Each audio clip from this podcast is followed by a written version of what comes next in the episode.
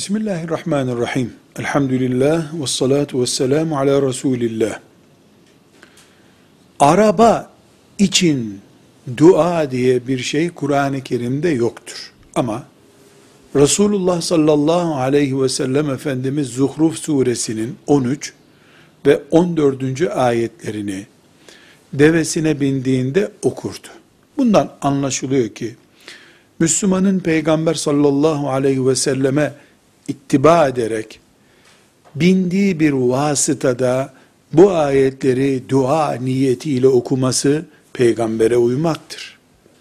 Subhanellezî sahhara lena hâzâ ve mâ kunnâ lehu mukrinin ve inna ila rabbina lemunkalibun. Sadakallahul azim. Velhamdülillahi Rabbil alemin.